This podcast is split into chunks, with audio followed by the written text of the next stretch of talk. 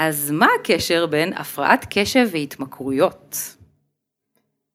הקשר הוא קודם כל שאנשים שמתמודדים עם הפרעת קשב, ובייחוד אנשים שמתמודדים עם הפרעת קשב מסוג היפראקטיביות, נמצאים בסיכון הרבה יותר גבוה לפתח התמכרויות לעומת אנשים שאין להם הפרעת קשב. יש לזה הרבה סיבות, מנגנונים נוירוביולוגיים דומים, לדוגמה איזה פגיעה בפעילות העונות המצחיות, נטייה יותר לאימפולסיביות, איזשהו קושי לשים ברקס, ודבר שני, שככל שאנחנו נטפל בצורה יעילה יותר בהפרעות הקשב וההיפראקטיביות, וככל שנטפל בהם בשלבים יותר מוקדמים, אנחנו נמנע את כל הספירלה הזו של ירידה בביטחון העצמי. אה, יציאה מהכיתה והסתובבות עם קבוצות שוליים, חשיפה לחומרים ממכרים והתנהגויות ממכרות, ואיזושהי ספירלה שהולכת ומוצאת אה, סוג של מזור זמני בדברים האלה, אבל שבסופו של דבר חלק לא מבוטל מהחומרים יכולים אפילו להחמיר את הפרעת הקשב וההיפראקטיביות, כך שבמובנים מסוימים זה כמעט כמו כריך. הרבה פעמים הפרעת הקשב וההיפראקטיביות היא בבסיס של הרבה התמכרויות, וחלק לא מבוטל מההתמכרויות אפילו מחמירות אותה, וככה בדיוק נוצרת הספירלה. יואו, זה נושא ממש חשוב שנדבר עליו ולא מודעים אליו, אז בוא נתחיל. נהדר. מזמינה אתכם למסע לפיצוח הפרעת הקשב שלכם, בכדי שתוכלו סוף סוף להבין ולקבל כלים להגשמת הפוטנציאל הזה שתמיד מדברים עליו. אני דוקטור שירלי הרשקו, מומחית בהפרעת קשב.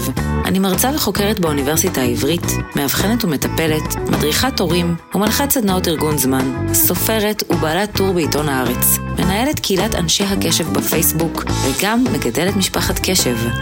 הדבר שהכי חשוב לי הוא להעלות את המודעות להפרעת קשב, ולכן יצרתי את הפודקאסט הזה. ולכל המאזינים אני גם מעניקה 10% על הקורסים שלי. יש פרטים בתיאור הפודקאסט ובאתר שלי. ועכשיו, בואו נצלול לפרק. אז ברוכים הבאים לפודקאסט של אנשי הקשב. בו נותנים מקום של כבוד להפרעת קשב, ואת כל המידע המדויק ואת הכלים שיכולים לעזור והיום נושא שלא מספיק מודעים אליו בתחום, התמכרויות. אז כיום יש אה, יותר מודעות לכך שהתמכרות זה, זו בעצם הגדרה שלא מצטמצמת לשימוש באלכוהול, סיגריות וסמים בלבד, אלא כן פורצת גבולות למגוון רחב של התנהגויות כמו אכילה וקניות והתמכרות למסכים והימורים ווורקוהוליות. מה שכן, בהקשר של הפרעת קשב, יש מחקר ענק שמצא כמעט פי שלוש סיכון לאנשי קשב להיות מכורים לסיגריות, ו-50% יותר סיכון לאלכוהוליזם או התמכרות לסמים. והסיכוי של ילד עם הפרעת קשב להתמכר בגילאי התבגרות כבר, או הבגרות, הוא כפול מסיכוי של ילד בלי הפרעת קשב. אבל הסיכוי של ילד עם הפרעת קשב שלעולם לא טופל, זה כבר פי שלוש וחצי יחסית לילד ללא הפרעת קשב. אז יש פה קשר מאוד מאוד חזק, והגורמים הם באמת יכולים להיות ביולוגיים, כמו הדופמין שתכף נדבר עליו, הקושי בוויסות עצמי, העונות המצחיות, וגם סביבתיים, סלף מדיקיישן, ניסיון להקל על הקשיים והמצוקות. מה שכן, חשוב לדעת שטיפול תרופתי בהפרעת קשב ובכלל טיפול בהפרעת קשב מפחית משמעותית משמעותית הסיכון להתמכרויות, וגם על זה אנחנו נדבר. אז כמו שאתם רואים, ההיקף מאוד מאוד גדול של הבעיה, ונוגע בכל מיני תחומים גם בחיי היום-יום, ולכן הבאתי אלינו את המומחה מספר אחת מבחינתי להתמכרויות, פרופסור שאולי לברן, שהוא פסיכיאטר ומייסד המרכז הישראלי המדהים להתמכרויות, בו אנו יושבים כעת. אז שלום שאולי. שלום שירלי. איזה כיף שא' הזמנת אותי וב' שהסכמת להתארח אצלנו. ומבחינתי כיף שאת שמה על המפה את אחד החיבורים הכי לא מדוברים שיש והכי שכיחים שיש. כלומר, אם אנשים כבר הגיעו אליי, או לאנשי מקצוע שמתמחים בהתמכרויות, זה אומר שלעיתים קרובות פספסנו משהו במהלך הדרך. ואחד הדברים שכנראה אנחנו מפספסים במהלך הדרך, זה זיהוי, התערבות מוקדמת וטיפול בהפרעת קשב. וואי, ממש. אז בוא באמת תעשה לנו קודם סדר. אה, מה זה בעצם התמכרות? איך אני יודע אם אני מכור או שסתם משהו שכיף לי לעשות אותו? אז נתחיל קודם כל בזה שהתמכרות היא הפרעה, והפרעה פסיכיאטרית, מה שאומר במילים אחרות שהיא שייכת לתחום הרפואה. מגוחך קצת שאני צריך להסביר את זה ב-2021, אבל עדיין צריכים לדבר על זה, כי בחלק מהמקרים אנשים חווים את זה כפגם אישיותי, כלקות מוסרית, כחוסר משמעת, או מה שבאנגלית נקרא חוסר will power, כוח רצון. אז אני בכוונה מתחיל בזה שנזכור שמדובר בהפרעה רפואית מתחום הפסיכיאטריה, שיש לה, כמו כל הפרעה רפואית, רקע ביולוגי, רקע פסיכולוגי ורקע סביבתי סוציאלי. שאנחנו מדברים על אובדן שליטה על התנהגות למרות נזקים נלווים מאוד משמעותיים. או במילים אחרות, אם אנחנו מסתכלים על איך נראית אובדן שליטה, איך נראה אובדן שליטה ממש ברמת קריטריונים, כן, של הפרעה, אז יש לנו אה, שלושה תחומים.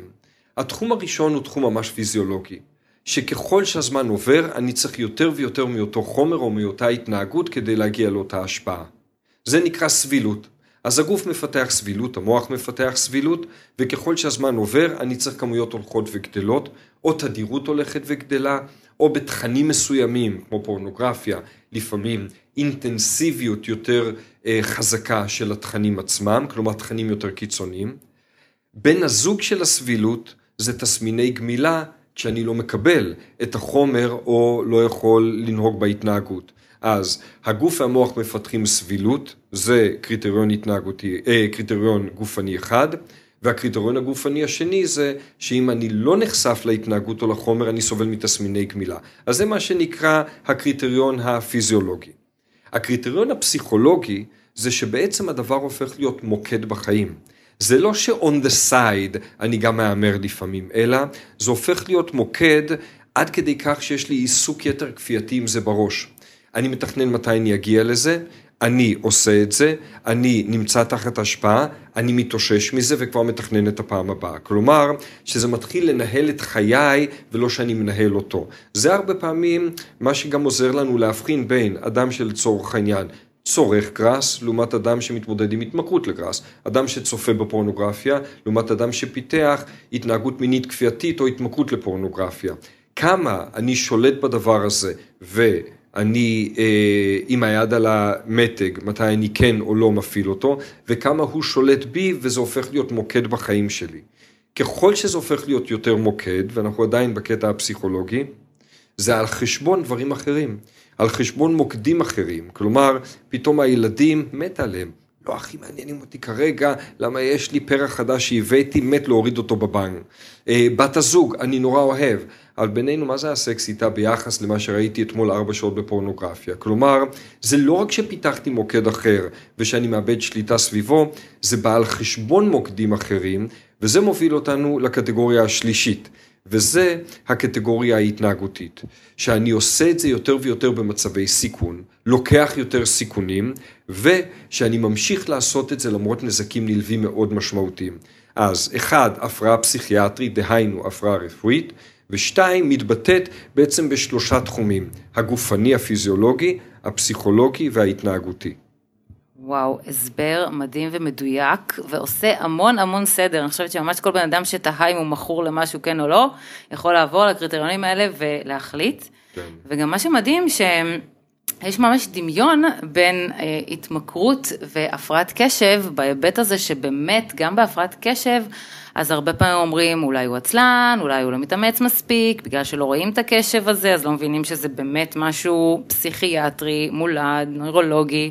אז uh, יש פה גם קשר uh, מעניין מהבחינה הזאתי, גם הסטיגמטית לגבי שני הדברים, שאני יודעת שיש גם הרבה סטיגמות לגבי uh, התמכרויות, בגלל זה גם נושא שפחות מדברים עליו, למרות שהוא ממש יכול להיות יומיומי, ו...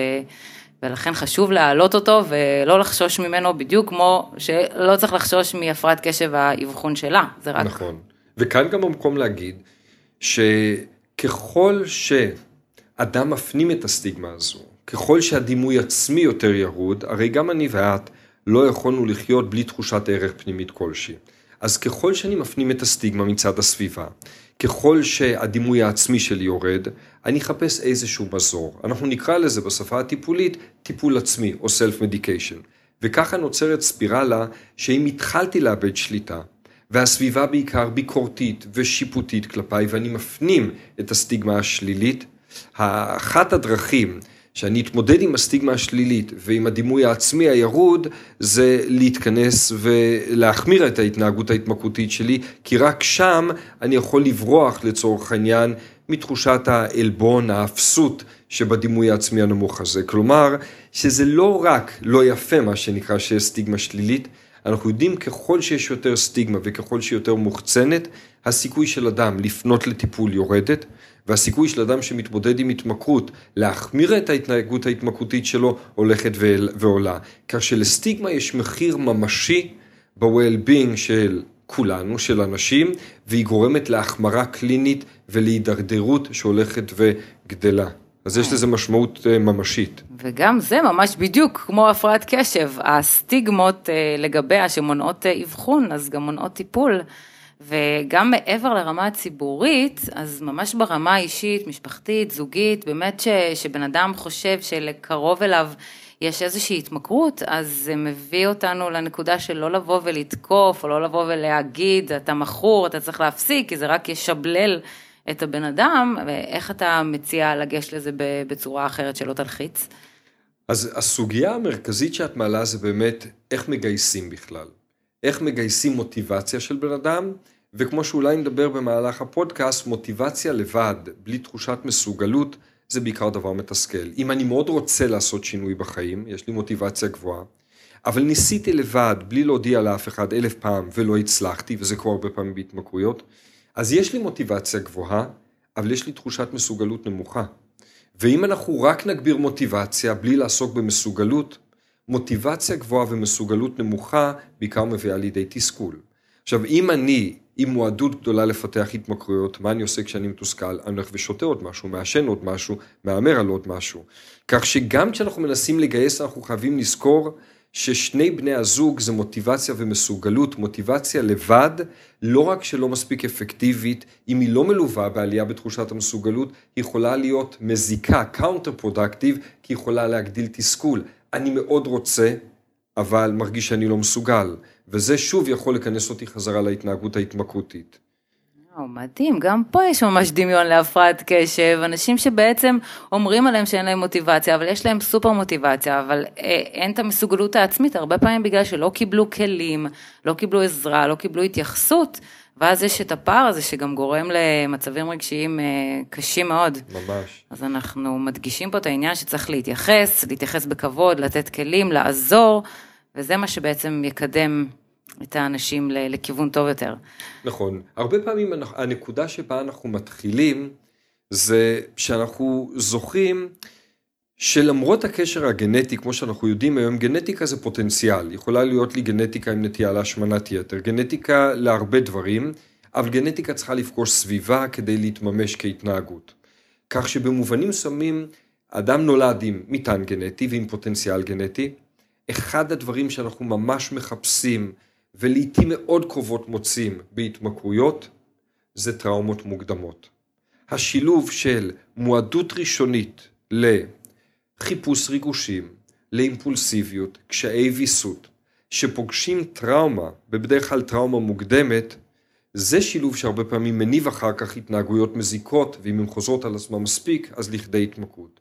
וזה אומר שקודם כל, הגישה שלנו היא פחות לשאול, נו מה בן אדם כבר עשה, אלא מה קרה לו.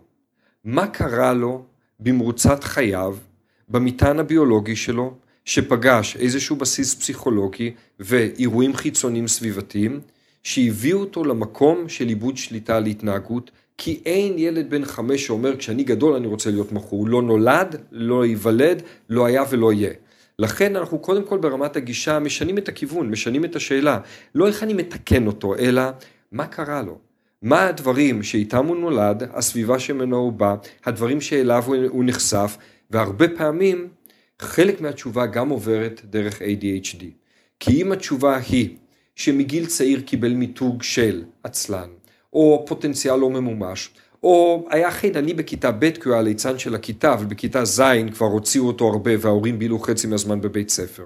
ואנחנו מתחילים להבין איך לעיתים לראשונה הוא מצא את קבוצת השווים שלו במחששה של בית הספר, וכל אחד מאיתנו צריך קבוצת שיוך, צריך להרגיש חלק ממשהו, כן? אנחנו לא רוצים להיות עלה נידף.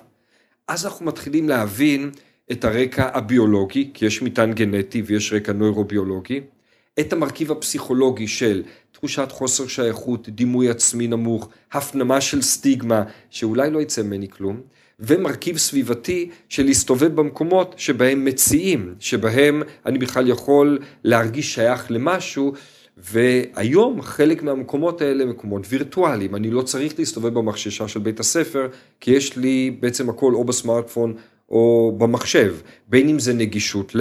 ובין אם זה הדבר עצמו, כמו הימורים מקוונים ופורנוגרפיה. אז אנחנו קודם כל משנים את השאלה ממה הוא עשה למה קרה לו. דבר שני, אנחנו מבינים שלהתמכרות יש תפקיד בחיים של האדם. אף אחד לא חוזר על אותה פעולה אם היא עושה לו רק רע, לא קיים. אנחנו עושים דברים שעוזרים לנו במשהו, למרות שלפעמים הם גם מזיקים לנו. אבל אנחנו קודם כל צריכים לשאול מה הפונקציונליות של השימוש וההתמכרות. במה זה עוזר לבן אדם? הרבה פעמים זה בעצם השפה של הטיפול עצמי והסלף מדיקיישן. מוריד קצת את האי שקט, מוריד קצת את ההיפראקטיביות, מוריד חרדה חברתית, נותן לו להתנהל בערב בלי להיות מודע כל הזמן, נותן לו איזשהו ביטוי בלי שכל הזמן הוא ירגיש שהוא מצנזר את עצמו, הרבה דברים, מרגיע תסמינים פוסט-טראומטיים, עוזר לי לישון בלילה. כי אם אנחנו מתחילים לשאול את השאלות האלה, אנחנו מבינים שהסוגיה היא כבר לא איך אני מוציא את הדבר מהחיים של הבן אדם, אלא איך אני עוזר לבן אדם לקבל מענה לחלקים האלה, כדי שבהמשך הוא יוכל לשחרר את ההתנהגות המזיקה. אז אנחנו מתחילים קודם כל בלשאול מה קרה לו שהוא הגיע למקום הזה. דבר שני, מה ההתמכרות משמשת, מה הפונקציונליות של ההתמכרות, ואז דבר שלישי, איזה אלטרנטיבות יש לחלקים האלה. ובהמשך יהיה יותר קל לשחרר את ההתנהגות כשהמצוקות שלי קיבלו איזשהו מענה. Mm, מדהים, אז בעצם לעבור מגישה של איך אני מפסיק שהוא יהיה מכור לאיך אני עוזר לו עם הקושי שלו. ובמובנים מסוימים, בדיוק אפרופו מה שאת אומרת, הגמילה ומניעת ההישנות, כלומר ההפסקה של ההתנהגות ההתמכרותית, היא בהרבה מובנים יותר אמצעי מאשר מטרה. המטרה היא החיים. המטרה היא שביעות רצון, אינטימיות, קשרים משמעותיים, מימוש עצמי. כך שאנחנו בכלל לא מדמיינים את זה כמטרה, אלא כאמצעי. ואז, כחלק מהגברת המוטיבציה, אנחנו יכולים גם לשאול בן אדם, זרום איתי רגע, אחי, תפנטז שאתה מפסיק להשתמש בגראס, בוא נקפוץ רגע שנתיים קדימה. ובוא תפנטז איתי רגע איך זה משפיע על הזוגיות שלך, איך זה משפיע על הכושר הגופני שלך, איך זה משפיע על הכסף שלך. כמה אתה מוציא בחודש? אלף שקל? בוא נזרום רגע, שנתיים זה 24-25 אלף שקל, מה היית עושה עם הכסף הזה? כלומר, אנחנו בכלל רואים בטיפול בהתמכרויות כמעט כאמצעי ולא כמטרה, כשהמטרה זה קודם כל החלקים של מימוש עצמי בחיים, ומה שלא פחות משמעותי, שאני לא יכול להגיד למי שיושב מולי מה המטרות שלו בחיים, אני צריך לבוא סקרן, וקודם כל לשאול ולברר איתו, what do you want out of life? כלומר, מה אתה היית רוצה, ואז אם באתי לא שיפוטי, ואם ניסיתי לעזור לו להבין איך הוא הגיע למצב הזה, אז אני יכול לשאול, בוא נשחק רגע ולדמיין איך שינוי בדפוס ההתמכרות יכול לשרת אותך.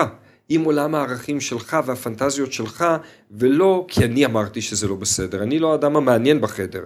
כלומר, אנחנו בעצם בסוג של מפגש מומחים. אני המומחה בבריאות הנפש והתמכרויות, ויוסי הוא מומחה ביוסי, וואלה, עושה את זה 30 שנה, ואני לא עשיתי את זה יום אחד.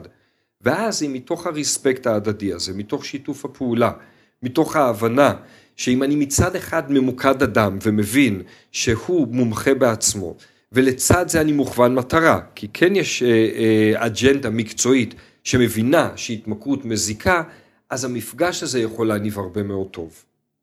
וואו, פשוט גישה מדהימה ולא מובנת מאליה בכלל, כי באמת הנטייה האינטואיטיבית שלנו היא תמיד הפוך, אז אה, זה מאוד חשוב להיות מודעים לזה, כי בעצם לא רק מטפלים, אלא גם אנשים שקרובים יכולים ממש לעשות את זה בשיחה, ב... ביום יום, עם חבר, עם בן זוג, לבוא באמת ממקום שהוא לא שיפוטי, אלא המקום שאתה מתאר, וזה, וזה כבר פותח את הפתח, כי זה הרי גם תהליך. נכון. וחשוב לי מאוד שנדבר על שתי התמכרויות שמאוד מקושרות להפרעת קשב, זאת אומרת, דיברנו על זה שיש כל מיני סוגים. אבל יש אה, שתיים או אפילו שלוש, אה, אחת מהן זה גראס, השנייה אה, מסכים, והשלישית שפשוט מאוד מעניינת אותי, כי הדוקטורט שלי הוא בתחום זה אוכל, אז אני אשמח לשמוע את ההתייחסות שלך לשלושתן. אז אני אתחיל קודם מלהזכיר שבאופן פורמלי, יש עד היום שלוש התמכרויות התנהגותיות מוכרות.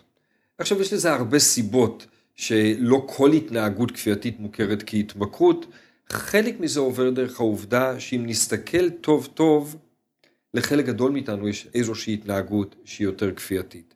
ואחת המטרות של הבחנה בכלל זה להבחין בין מי זקוק לטיפול ומי לא. כשיוצרים הבחנה שכמעט 100% מהאוכלוסייה סובלת ממנה, היא מפסיקה להיות יעילה. אז היסטורית עד לפני כמה שנים כל ההתמכרויות המוכרות הפורמליות היו לחומרים. לפני כמה שנים הכניסו לראשונה את ההתמכרות ההתנהגותית הראשונה, וזו ההתמכרות להימורים, ולאחר מכן התמכרות למשחקי מחשב, ולאחר מכן התמכרות למין ופורנוגרפיה, או מה שנקרא התנהגות מינית כפייתית. מה שאומר ששאר ההתנהגויות לא מוכרות פורמלית כהתמכרות, אני אגיד כקלינאי, כן, אז עכשיו עזבתי רגע את כובע החוקר לצורך העניין, ואני אגיד כקלינאי, שאני חושב שהשאלה שלך היא מאוד במקום, כי אם נסתכל עליהם באותם כלים ונבצע התערבויות דומות, סביר מאוד להניח שנראה יעילות דומה.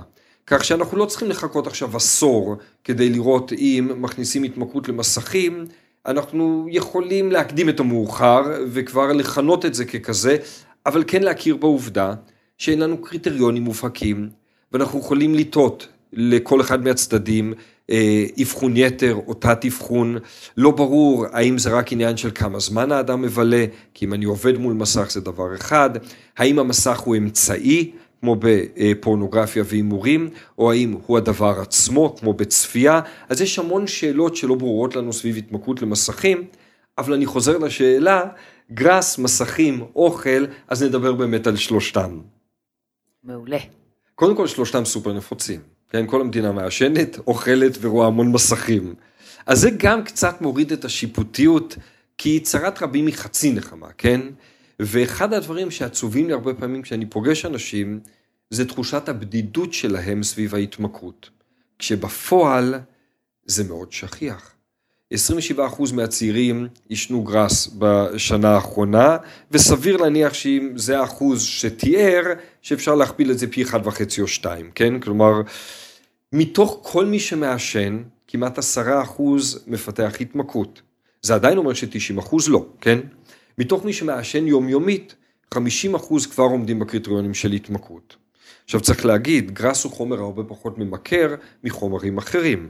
מסיגריות, מאלכוהול, מהרואין, מקוקאין, גראס הוא יחסית נמוך, אבל כשיש לי אחוז נמוך ממספר מאוד גבוה, אז יש לי הרבה אנשים.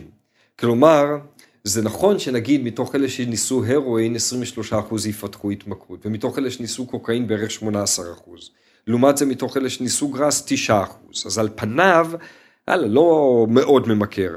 אבל הרבה יותר אנשים ניסו וויד מאשר הרואין או קוקאין, כך שהמספר הסופי של אנשים שמתמודדים עם התמכרות לגראס הוא מאוד מאוד מאוד גדול. אז זה חלק אחד. וגם הרבה אנשים, הפרעות קשב, הולכים לכיוון הזה. נכון, ואחד הדברים שקשים עם גראס, זה שאין בדיוק חומר כזה, זה צמח. וזן אחד לא דומה בכלום לזן אחר. יש בתוך הצמח עצמו יותר מ-500 חומרים, שמתוכם יש יותר מ-100 קנבינואידים, מתוכם יש יותר מ-100 מולקולות שפועלות במוח שלנו על המערכת הקנבינואידית שקיימת באופן טבעי במוח, ועוד 400 חומרי טעם, ריח וצבע שמסתבר שגם להם יש השפעה פסיכולוגית. כלומר, אם אני ואת עכשיו נגלגל שני ג'וינטים נפרדים, את תביא מהבית ואני אביא מהבית, אנחנו לא בהכרח משתמשים באותו חומר בכלל. עכשיו, אם אני אשתה וויסקי ואת תשתי יין, אנחנו משתמשים באותו חומר, הוא נקרא אלכוהול. את פשוט תצטרכי לשתות פי חמש או פי ארבע ממני, בגלל הבדלים בריכוז האלכוהול, כדי להגיע לאותה השפעה. אבל האלכוהול הוא אותו אלכוהול. אם שנינו נקנה קוקאין מאותו דילר, וזה קוקאין נקי, קוק is קוק is קוק. בגראס אין בעצם חומר כזה, מה שאומר שההשפעות יכולות להיות מאוד שונות. השפעה אחת יכולה להיות אפרית, ואחת יכולה להיות מרגיעה יותר. וזה אומר שאם אני קונה דרך טלגראס או בשוק השחור, אה, א', אני לא תמיד יודע מה אני מקבל. לפעמים אני יודע מה אני מזמין, אבל אנחנו יודעים שגם אם אני קונה פעמיים את אותו זן, ואם אני עושה לו תבחין גנטי, אני לא בהכרח מקבל אותו דבר. אז זה יוצר בעיה. אז על פניו אני מחפש משהו שירגיע אותי, אבל עכשיו דמי בנפשך שמה שאני מקבל זה חמישה גרם של חומר שבכלל מאיר אותי, ואולי גורם לי לחרדה, ואולי מפריע לי לישון, כך שבאתי בכוונות של סלף מדיקיישן ויצאתי נפסד. אז זה אחת הבעיות הגדולות שיש לנו עם גראס, שהרבה אנשים עם הפרעת קשב משתמשים. המטרה היא הרבה פעמים נעה בין איזושהי הרגעה של אי שקט, כי אה, אין בעצם עדויות לשיפור קשב. יש עדויות לאולי הרגעה של היפראקטיביות. אבל זה נכון ככל שמדובר על חומרים שהם עם יותר קנבינואידים מרגיעים, סתם לדוגמה, אני אזרוק יותר קנבידיול מאשר THC, ש-THC זה החומר הפסיכואקטיבי המרים העיקרי, ויותר זנים שנקראים מסוג אינדיקה מאשר מסוג סטיבה, למרות שהרבה מעורבב, היום יש הרבה זנים משולבים היברידים, אבל זה בעיקר מראה כמה השדה הזה מסובך. כמה זה כאילו איזה צוואר בקבוק משותף להרבה אנשים עם הפרעת קשב, אבל תמיד עשרה אנשים עם הפרעת קשב בשורה, שקונים מעשרה דילרים שונים בטלגראס, הם בעצם מעשנים עשרה דברים שונים, חווים עשר השפעות שונות, ולכן יכולים להתווכח ביניהם שמעיין תגיד מה זה הציל לי את החיים, ודני יגיד את צוחק זה הרס לי את החיים. וכל אחד מהם יהיה צודק בדרכו. מה שמשותף לכולם, שבכולם זה גם איזשהו אסקפיזם מההווה. כלומר, שבמובנים מסוימים דבר אחד בטוח, שאם כרגע אני מרגיש מצוקה ואני ישן הרבה, אני ארגיש אחרת. ולפעמים בהפרעת קשב, זה לא רק בקשה להרגיע את האי שקט, זה, דיברנו על דימוי עצמי ירוד, אה, זה איזושהי, איזושהי מצוקה פסיכולוגית לפעמים ממש קיומית שלא למצוא את מקומי בעולם או להרגיש שאני לא מתאים, ועד כמה שחושבים על התמכרות כחוסר שליטה, במובנים מסוימים התמכרות היא חוסר שליטה, אבל כשאני משתמש, אני ממש שולט. כי אני ואת יושבים כאן, לי ולך אין מושג איך נרגיש עוד שעתיים, תלוי, מה תפגשו בדרך, אה, מישהו יחתוך אותך בכביש, מישהו יעצבן אותי בעבודה, אני אעצבן מישהו בעבודה, אני אפגע, הוא ייפגע. אבל מי שעכשיו שם ראש בבן, או מעשן לעצמו איזה אה, ג'וינט שמן ומכובד, לא לוקח הימור גדול, הוא די שולט באיך הוא ירגיש עוד שעה. עכשיו דמי בנפשך שאני מרגיש חוסר שליטה בכלל על חיי, הכל כאוטי. מבולגן לי, גם בפרקטיקה וגם בפנים. אה, זה אמנם יכול להיראות מבחוץ כאשליית שליטה, אבל בניגוד לחיים שאין לי עליהם שליטה, אם אני אעשן עכשיו, זה הימור בטוח, בעוד שעה אני יודע איך אני ארגיש. פחות או יותר. אז הרבה מאוד פעמים הדבר המשותף לכולם זה, אני לא אוהב איך שאני מרגיש, כל אלטרנטיבה יותר טובה לי, וגראס זה אחת האלטרנטיבות הכי זמינות שיש בסביבה. Okay, כן, זה ממש נותן שליטה וגורם להרגיש טוב אחרי כל המצוקות והקשיים ש... שמרגישים בעצם, שזה יותר מן הסתם נפוץ אה, בהפרעת קשב. כן, אני אגיד רק, אני חושב שבעיקר אשליית שליטה. כן. כלומר, זה נותן שליטה בפרקטיקה של עכשיו, אבל אם כל פעם הרגעתי את עצמי דרך וויד, בסופו של דבר I get addicted to weed, אני אתמכר לזה, ואז המשך השביל הזה זה חוסר שליטה. אז באמת אשליית שליטה. אשליית שליטה, לגמרי. ומה לגבי מסכים? הורים במיוחד, במיוחד מוטרדים מהילדים שלהם שהולכים ומתמכרים למסך, לטלפון, ל... אני זוכרת שכשבתואר הראשון שלי בפסיכולוגיה, שהיה לפני מיליון שנה, עשיתי עבודה סמינריונית על התמכרות לאינטרנט, אנשים לא הבינו מה זה, מה זה בכלל, ממש, והיום כל ההורים שבאים אליי בקורס הורים אומרים לי, מה נעשה?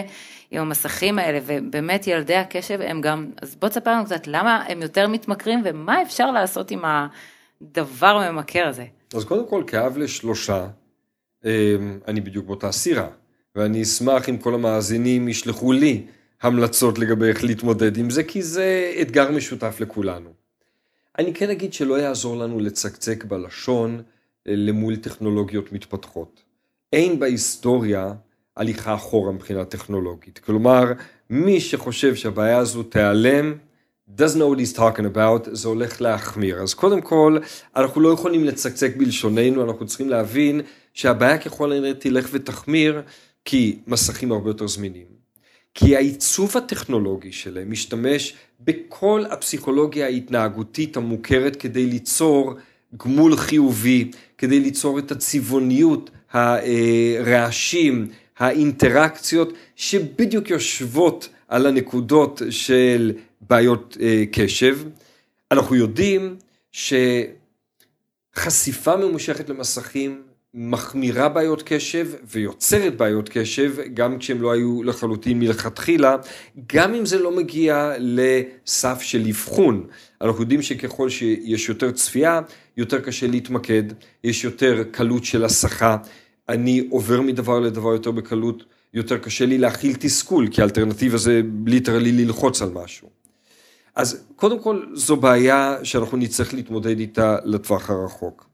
אני מפריד בין גילאים שונים, כי אנחנו לא יכולים, ואת זה אני אומר גם כהורה, לחמוק מתפקידנו כבעלי סמכות הורית. כלומר, התשובה האמיתית למה אני עושה עם ילד בן שמונה שכל הזמן מול המסך זה אלא אם כן יש לו חשבון בנק משלו, רישיון נהיגה והוא יכול לנסוע לקנות סמארטפון אה, מקביל. וזה קל להגיד, יותר קשה לעשות, אבל האחריות היא קודם כל עלינו כהורים. הרבה פעמים בטיפול, וזה סתם מספר, אנחנו שמים את הגבול בדו ספרתי, הרבה פעמים, כלומר, עד אה, גיל דו ספרתי פונים להורים, ומגיל דו ספרתי מתחילים יותר ויותר לעבוד עם הילדים, עד שזה מגיע ל-13, 14, 15 וכך הלאה. אז קודם כל בגילאים הצעירים זה להבין שזה תחת אחריותנו, להתמודד עם הטמפר טנטרום שיכולים להיות לצורך העניין, להמציא אלטרנטיבות, וזה אומר שזה דורש מאיתנו להשקיע יותר, ואנחנו עייפים כי אנחנו במשמרת השלישית, ולהכיר בעיקר בזה שיש לנו תרומה לעניין הזה. עכשיו זה מביך, זה מביך גם עבורי, כי כולנו בסירה הזו ביחד, אבל זה לפחות התחלה של שינוי. שינוי, גם בהתמכרויות, אבל גם בהורות, נובע מאי נחת.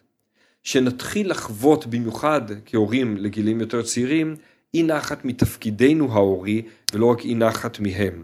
כי ככל שאנחנו נשליך עליהם את האי נחת, וככל שנעביר להם מסר, אתם לא בסדר, שאתם לא פותחים הארי פוטר עכשיו וקוראים אותו, אלא צופים, מבלי להמציא אלטרנטיבות, האדם מפנים קודם כל שהוא לא בסדר, גועל נפש של הרגשה, מי רוצה לחיות ככה? אז מה אני אעשה במקום זה? אז אני אעשה עוד בינץ' בנטפליקס, אני במקום זה אכנס לעוד לילה של פורטנייט, העיקר לא להרגיש לא בסדר. אז אנחנו כמבוגרים יותר יכולים, hopefully, להכיל אי נחת. אי נחת זה מוטיבציה לשינוי, קודם כל, אז שלא נתבייש מזה שאנחנו לא בסדר עד הסוף.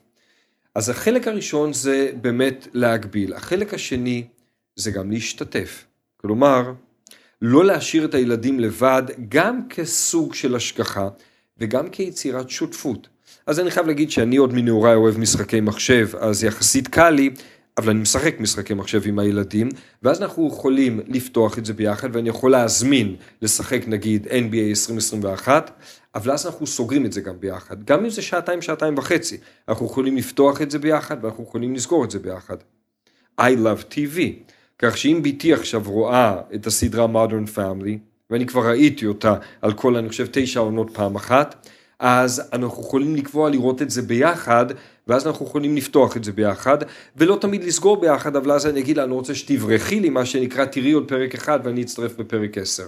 כך שחלק אחד זה הסמכות ההורית, וחלק שני זה להפסיק לראות בדבר הזה אויב, ולהתחיל לראות בו אמצעי שיכול להיות גם אמצעי לתקשורת, שיכול להיות גם אמצעי לשותפות, גם אמצעי להציג בפני הילדים דברים מסוימים, אהבות משותפות, כי בסופו של דבר, גם מבוגרים צופים בנטפליקס, עושים binging ביוטיוב, משחקים משחקים בסמארטפון וכך הלאה, רק מצקצקים בלשונם כשהילדים עושים את זה.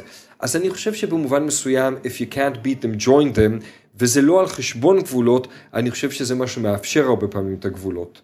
אוקיי, אז אתה אומר בעצם שצריך גם להגביל במיוחד בגילאים הצעירים, ואחר כך יותר להשתתף גם, גם מבחינת סוג של השגחה, אבל גם מבחינת באמת שותפות, להיות ביחד עם הילד.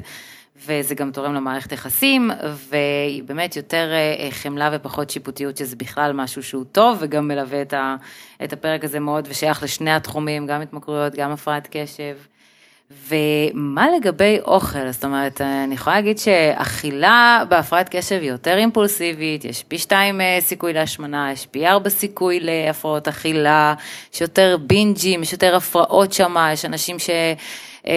באמת אה, עם over eating, אה, מה, מה אתה יכול להגיד? אז קודם כל זו נקודה מצוינת, כי נתחיל בזה שבמיוחד פחמימות פועלות מבחינה נוירוביולוגית על המוח בצורה דומה לחומרים ממכרים, אם כי פחות אינטנסיבית. אבל גם במחקרים על בעלי חיים, הרבה מאוד פעמים, בתור קבוצת השוואה לקוקאין נגיד, נותנים משקה עתיר פחמימות עם הרבה מאוד סוכר. כי גם בזה יש פוטנציאל ממכר, אבל קצת פחות. אז סוכר ואוכל בכלל מעלים את רמות הדופמין במערכת הגמול, כי מבחינה אבולוציונית זה דרך של המוח לשדר לנו, עשית משהו טוב, תמשיך. עכשיו, אם אני חוזר מאה אלף שנה אחורה, ואני בסוואנה, ואני מוצא משהו עתיר פחמימות, זו אנרגיה זמינה, פירות לצורך העניין, זו אנרגיה זמינה. באופן עקרוני מבחינה אבולוציונית אני אמור לגלח את כל העץ עד שלא נשאר ממנו כלום כי אני לא יודע מתי פעם הבאה אני אמצא. וזה גם ייתן לי אנרגיה יותר זמינה כדי או לברוח או אם אני טורף לצוד. אז קודם כל אבולוציונית יש היגיון רב מאוד בזה שפחמימות יהיו ממכרות. הבעיה היא כמובן שאנחנו חיים בעידן המקדונלדס ולא ננדרטלים ולא חיים בסוואנה. אז קודם כל יש בזה מרכיב ממכר. שתיים אני חושב שכולנו מכירים על עצמנו, בטח צנות מסרטים, של אותו אדם שבת הזוג עזבה אותו והוא יושב עם גלידה, סטריאוטיפית זה יותר האישה שיושבת עם גלידה, אבל אני בכוונה אה, מנסה לתקן ג'נדריאלית, יושב, יושב עם גלידה מול הטלוויזיה בתור comfort food, בתור ניחום. אז הרבה מאוד מהשפה מוכרת מהתמכרויות, כי אנחנו התחלנו בזה שאמרנו התמכרות נולדת מתוך סבל, גם אכילה רגשית וגם אכילה כפייתית וגם בולמוסים נולדים קודם כל מתוך סבל, ולכן כדי להתמודד איתם צריך קודם כל להתחיל מהסבל. דבר שני, כמו שאמרנו, אם אנחנו מבינים את הפונקציונליות של האכילה הרגשית, כי היא רגשית, אז אנחנו מבינים שאנחנו צריכים אלטרנטיבות, אלטרנטיבות לזמנים האלה. אז מה אני בעצם עושה כשאני גר לבד, אבל גם בודד, כי זה לא מבחירה, אלא אני עם קצת הימנויות או עם קושי חברתי, מה האלטרנטיבות ב-11 בלילה? כי הרגע היחיד שאני בכלל מרגיש שאני יכול לנשום ביום, זה בטח עם הבן אנד ג'ריז מול נטפליקס. אז זו חוכמה קטנה להגיד, אל תאכל את הבן אנד ג'ריז, אבל החוכמה היותר גדולה זה לטפל בבדידות, וכפועל יוצא מזה, אחר כך ללמד גם אורח חיים בריא ושליטה על התנהגויות ופחות בולמוסים. אבל כמו כל דבר, גם שם אנחנו ממירים את השאלה, מה הוא עשה, למה הוא ירד אל מה קרה לו, שזה בסופו של דבר המזור היחיד שהוא מוצא. וזה משותף ודאי גם לאוכל. לכן אמרתי, אני לא מחכה שה-DSM יחליט כן או לא להכניס משהו ל... אה, זה נראה כמו ג'ירפה, זה הולך כמו ג'ירפה, זה ג'ירפה. לגמרי, אני מסכימה איתך, כי באמת, הרבה אנשים, שוב, גם בהפרעת קשב מדברים על אבחון יתר, את כולם מאבחנים הפרעת קשב, ובגלל זה הם לא הולכים לאבחון, אבל זה לא חוכמה פה, זאת אומרת, אם יש קושי, זה לא משנה אה, אם יש אבחון יתר או אין אבחון יתר, אם יש קושי, בוא נטפל בו, בוא נראה מה עושים, בוא נראה איך נותנים לו מענה. אה, פחות אה, צריך להתרכז ב, כמו שאתה אומר, הגדרה מדויקת, ואם זה נכנס ל-DSM או לא, ואיך שינו עכשיו את השם להפרעת קשב עם פעלתנות יתר או לא, כן או לא. יש קושי, בואו נראה אה, מה עושים איתו ואיך מטפלים בו, ואני חושבת שזה מה שצריך להיות הכיוון. בסוף אנחנו רוצים כולנו להרגיש יותר טוב, גם מורים, גם ילדים, גם מבוגרים. ואנחנו גם מבינים שבשתי ההפרעות, ודיברנו הרבה על הדמיון ביניהם, אה, אנחנו מתקיימים על ספקטרום.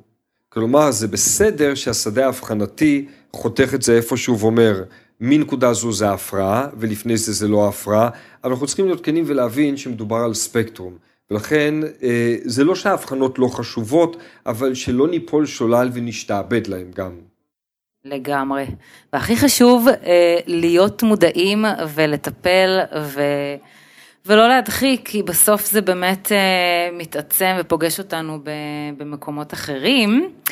ואנחנו ככה לקראת אה, סיום הפרק הכל כך מרתק וחשוב הזה, ואני חושבת, שאולי, שאתה גם בן אדם מאוד, אה, מאוד עם, עם אופטימיות ו, ו, וחמלה וחוסר שיפוטיות, ואני אני מאוד, אה, מאוד אוהבת ומתחברת לגישה הזו, אז אה, הייתי רוצה שגם ממש נסיים ככה את הפרק בגישה הזו, ואולי תגיד לנו מה, איזה ככה צד יותר, יותר אופטימי, יותר חיובי, יותר... איך נקרא לזה, לאיזה כיוון אנחנו יכולים אה, ללכת עם זה עכשיו אה, קדימה ו- וכן לעשות שינוי לכיוון חיים שהם יותר, אה, יותר טובים לנו ולסביבה. אז א', אני אגיד שאנשי ההתמכרויות מסתכלים על אנשי הקשב בקנאה משהו, כי הקדמתם אותנו בעשור בערך, גם מבחינת הורדת הסטיגמה. מבחינת הנגשת האבחון ומבחינת הנגשת הטיפול.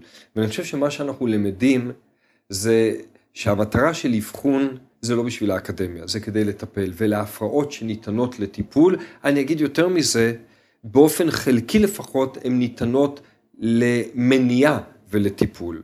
אי אפשר תמיד למנוע, אבל אפשר למנוע את ההחרפה, אפשר למנוע את ההחמרה. אז אני לא תמיד יכול למנוע את ההפרעה, אבל הפרעה יכולה להיות קלה, בינונית, חמורה, לדחות טיפול, להקדים טיפול. אז הנקודה הכי אופטימית זה שיש המון מה לעשות. ולא רק שיש המון מה לעשות, ההצלחה של טיפול בהפרעת קשב ובהתמכרויות לא נופלת מכל תחום אחר ברפואה. לא מטיפול ביתר לחץ דם, לא מטיפול בעודף כולסטרול, לא מטיפול בסוכרת. כשמסתכלים על המחקרים, היעילות של הטיפולים, גם בהפרעת קשב וגם בהתמכרויות, דומים ליעילות של הטיפולים הטובים בכמעט כל תחום אחר, אם יודעים לעבוד נכון. מדהים. אם אתה יודע מה אתה עושה, אם אתה יודע איך לגייס, אם אתה מבין איפה האתגרים הגדולים ולא מצפה שמישהו מיד יגיד רוצה אני, אתה מבין שזה בעצם חלק מהעבודה הטיפולית, אחוזי ההצלחה הם מקסימים ומאוד גבוהים. אז זו נקודה מאוד מאוד אופטימית, ואולי אני אוסיף שבגלל שהטיפול התרופתי בהפרעת קשב, יש לו פוטנציאל ממכר, ולכן יש הרבה מאוד חשש מפני זה, אני אזכיר שזה לא נעלם מעיני הקלינאים והחוקרים, אבל כשאוספים את כל המחקרים שנעשו עד עכשיו, מגלים שזה נכון שיש בחלק מהתרופות פוטנציאל ממכר, אבל הפוטנציאל של אדם עם הפרעת קשב, במיוחד עם היפראקטיביות ובמיוחד עם היפראקטיביות חמורה, לפתח התמכרות אם הוא לא מטופל תרופתית היא הרבה יותר גבוהה. ולפעמים אין לנו את הלוקסוס לבחור את הטוב ביותר, אנחנו בוחרים את הרע במיעוטו.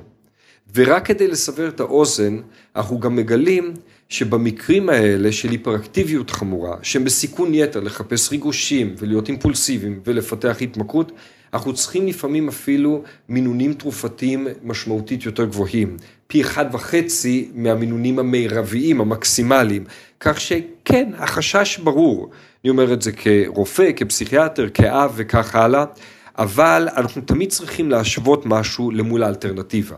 ואם האלטרנטיבה היא פחות טובה, אז כדאי לאבחן, לטפל, לעקוב, להחזיק את החשש, אבל לא להימנע בגלל שאני חושש ולהעמיד את הילד או את המתבגר או את המבוגר בסכנה הרבה יותר גדולה למציאות הרבה יותר קשה. אז אני רואה בזה משהו אופטימי, כי ככל שאנחנו מתמקצעים יותר, אנחנו יודעים לאתר, יודעים מה לא לעשות, איך לגייס, מה כן לעשות, לדבר על זה בצורה פתוחה, פודקאסטים כמו שלך זה שירות אדיר, כי דברים מדוברים. ואנחנו יודעים שמה שלא מדובר לא מטופל. וכדי להתחיל לטפל בבעיה צריך קודם כל להציף אותה. אז אני רוצה גם להודות לך על ההצפה של הנושא, כי זה התחלה של שינוי. כל כך, כל כך, כל כך מסכימה איתך, ואין לי אפילו מילים להוסיף. חוץ מלהגיד לך שוב תודה על השליחות, על הידע, על הטיפול, על כל מה שאתה עושה. ועל השיתוף פעולה המדהים עם אנשי הקשב, אה, ואני לגמרי מאמינה שזו הדרך לשינוי ולצמיחה. לגמרי. אז המון המון תודה לך ולמאזינים. ממש. תודה חזרה, ונתראה בפרק הבא. ביי.